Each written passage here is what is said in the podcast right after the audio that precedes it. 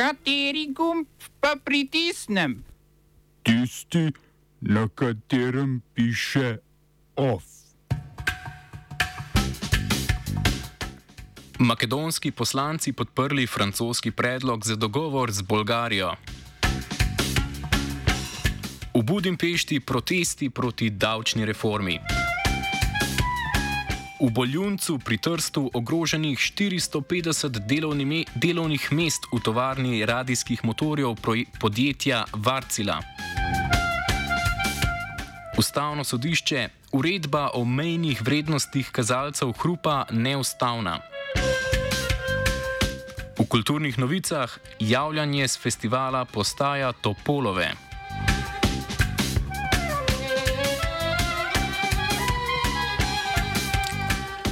Budimpešti so ta vikend protestirali proti prenovi davčne zakonodaje, ki jo je parlament sprejel prejšnji torek. Sprememba davčnih regulacij predvideva višjo stopnjo obdavčitve za samostojne podjetnike, ki svojih storitev ne upravljajo za fizične osebe. Samostojni podjetniki, ki so zavarovani pri drugi, drugem delodajalcu, so do zdaj plačevali niže davke, v prihodnje pa bo to omogočeno le samostojnim podjetnikom, ki so polno zaposleni v sklopu svojega SP-ja. Zaradi novih regulacij je po mnenju protestnikov, med katerimi je tudi poraženi vodja opozicije in Orbanov protikandidat na aprilskih volitvah Peter Markizaj, ogrožen obstanka številnih samostojnih podjetnikov. Nova davčna pravila bodo začela veljati 1. septembra. Za mačarskega premijeja Viktorja Orbana je to prvi večji protest po suvereni zmagi njegovega Fideza na aprilskih volitvah, a protesti proti višji obdavčitvi tako imenovanih normirancev še zdaleč niso edini razlog za Orbanove skrbi. Vrednost forinta v razmerju do evra ustrajno pada, gospodarstvo se bori z inflacijo, Evropska komisija pa je pred sodiščem EU zopr Mačarsko začela postopek zaradi diskriminacije LGBTQ oseb in zaradi nižjih cen goriva za domačine.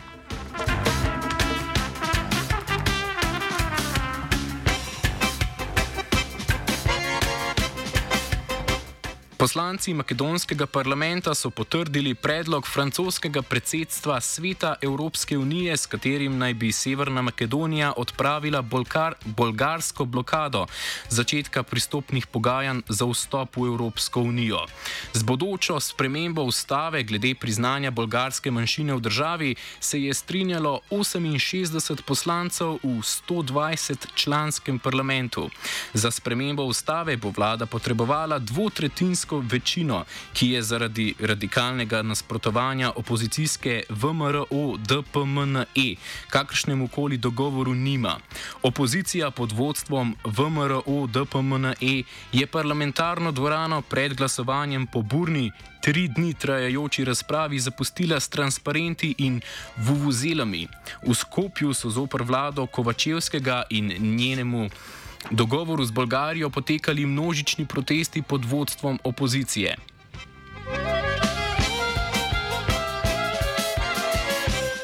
Makedonski parlament je sklenil tudi, da bosta državi bilateralno reševali odprta vprašanja, med drugimi vprašanje bolgarskega priznanja makedonskega jezika. Makedonski premijer Dimitar Kovačevski je po glasovanju napovedal medvladno konferenco o pristopnih pogajanjih, ki bo bojda že jutri. Predstavniki Severne Makedonije in Bolgarije pa so včeraj podpisali poseben protokol, katerega vsebina je javnosti za zdaj še neznana.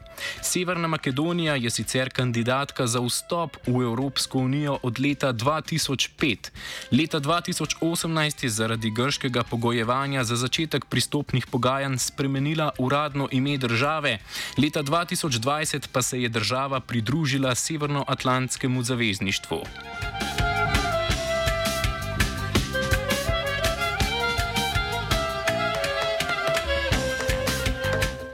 V Bolgariji, ki je mesec dni brez vlade z mandatom, bo predsednik države Rumen Radov mandat za sestavo vlade podelil socialistični stranki Kornelije Ninove. Po padcu vlade Kirila Petkova je to že tretji poskus oblikovanja nove vlade, ki pa se bo najverjetneje izjalovil, saj socialisti še niso zbrali parlamentarne večine. Po tretjem spodletelem poskusu bo moral Rumen Radov oblikovati začasno vlado, ki bo na oblasti dovolil volitev, predvidenih za september.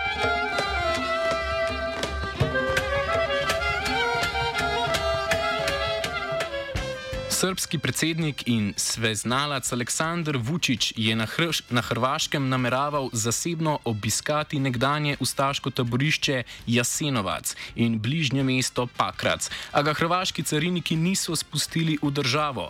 Vučić namreč hrvaških oblasti o svojem obisku ni obvestil prek uradnih kanalov, ker je želel sosednjo državo obiskati brez usklajevanj. To pa je vznejevoljilo hrvaško vrhuško. Viri blizu hrvaške vlade trdijo, da je bil namen Vučičovega obiska zgolj provociranje in po prepovedi vstopa v državo igranje žrtve. Po hladnem tušu je srpski predsednik zapisal, citiramo, samo vi radite svoj posao, živeče srpski narod in nikada neče zaboraviti. Konec citata.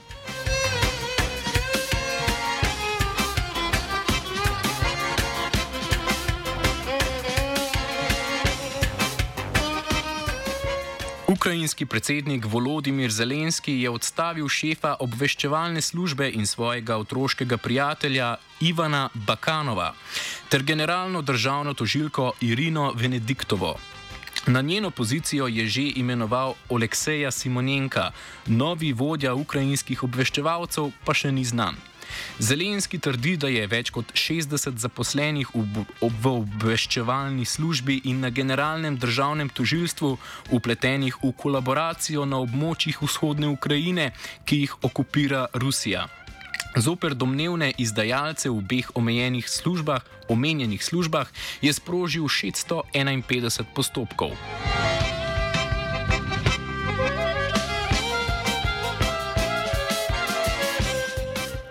Kitajski regulator bančnega sistema je naročil bankam naj gradbenikom pomagajo s poplačilom hipotek na nedokončane stanovanske projekte. Kupci nedokončanih stanovanj so namreč začeli množično zavračati plačila hipotek, zato so se številni gradbeniki znašli pred bankrotom. Na kitajskem prispeva gradbeni sektor kar četrtino bruto domačega proizvoda, zato je njegova rast pomembna za ohranjanje rasti kitajskega gospodarstva, ki je tudi zaradi COVID-19 močno prizadeta.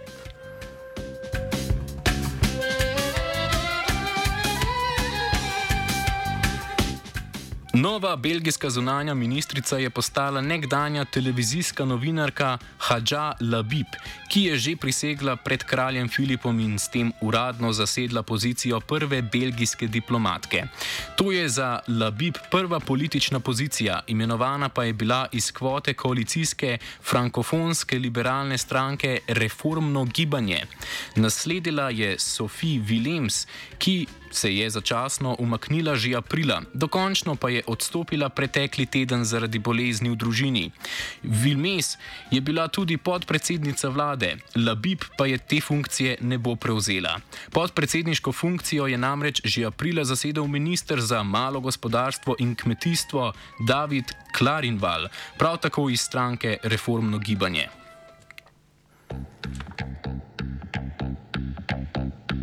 smo se osamosvojili, nismo se pa osvobodili. Naslednje število je še 500 projektov.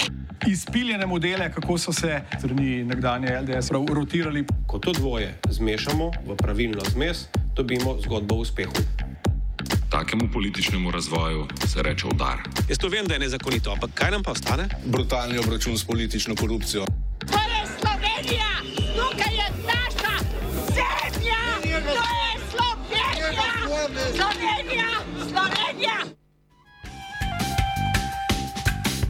Vodstvo finske tovarne Barcila v Boljuncu pri Trstu je zaradi selitve proizvodnje ladijskih motorjev v matično državo napovedalo obsežno odpuščanje. V tovarni je zaposlenih okrog 970 delavcev, brez dela pa naj bi jih ostalo 450. V Boljuncu naj bi za zdaj ostal zgolj razvojni oddelek. Vodilni so selitev proizvodnje in posledično odpuščanja napovedali čez noč, čeprav se je o morebitnih odpuščanjih med delavci sušljalo že dalj časa. Vodstvo tovarne je to vselej zanikalo. Problem ni le 450 delavcev, ki jim grozi odpoved, pač pa tudi številni proizvajalski obrati, ki zaposlujejo okrog 1200 ljudi. Kaj selitev tovarne pomeni za tržaško, je pojasnil delavec Varcile, ki je želel ostati anonimen. Pomislite samo, kaj je zdaj na tržaškem na državski pokrajini. Zdaj, ta operacija je bil zadnji velik obrat, ne, kateri je marsikateri obrtnik oziroma že majhna industrija v okolici imela že veliko procentualno delavcev eh, oziroma delavcev dela, ki so izvajali bila za uh, parcilo. Ne. In se pravi, da marsikateri obrat lokalni se bo znajde zdaj eh, z enim pomakljajem. Vodilni v podjetju sicer napovedujejo, da bodo še naprej sodelovali s podizvajalci. Delavci so se v strahu pred izgubo služb organizirali in začeli stražiti tovarno vsak dan med 16:30 popovdne in 6:30 zjutraj, saj želijo preprečiti umik strojev iz tovarne stvar je, da zdaj mi sami kot uh, varga smo res enotni. Rečemo, da kar edino, kar lahko naredimo, je, da skušamo na kakšen način uh, preprečiti, da se iz obrata odpelje, kar je, uh, kar je še ostalo. Rečemo, kar je še ostalo. Uh, mogla bo uh, ustanove, da bomo mogli kaj ukrepati ki so zadnja, v tem momentu so zadnja, naša zadnja, zadnja možnost. Presenečajo tudi nekatere nedavne poteze vodstva tovarne. Predstavljate si, da je ena vrtka, ki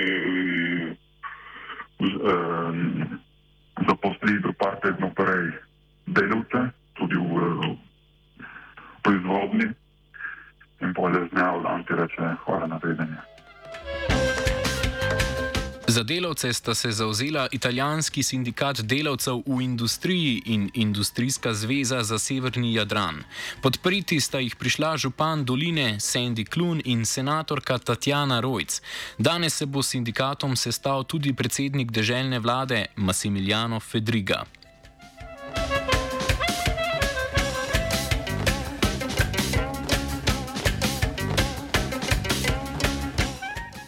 Ustavno sodišče je razsodilo, da je uredba o mejnih vrednostih kazalcev hrupa v okolju v neskladju z ustavo. Postopek ocene ustavnosti in zakonitosti so ustavni sodniki začeli med drugim na pobudo društva EcoKrok, ki je na najbolj znano po nasprotovanju cementarni Lafarge v Trbovljah. Udredba o mejnih vrednostih kazalcev hrupa v okolju, ki sta jo pripravili Ministrstvi za gospodarstvo in za infrastrukturo, je v neskladju z delom zakona o varstvu okolja, ki pravi, da je pri sprejemanju predpisov potrebno sodelovanje z javnostjo. Neustavan je bil torej postopek sprejemanja uredbe, ne pa njena vsebina. Vlada ima leto dni, da protiustavnost odpravi.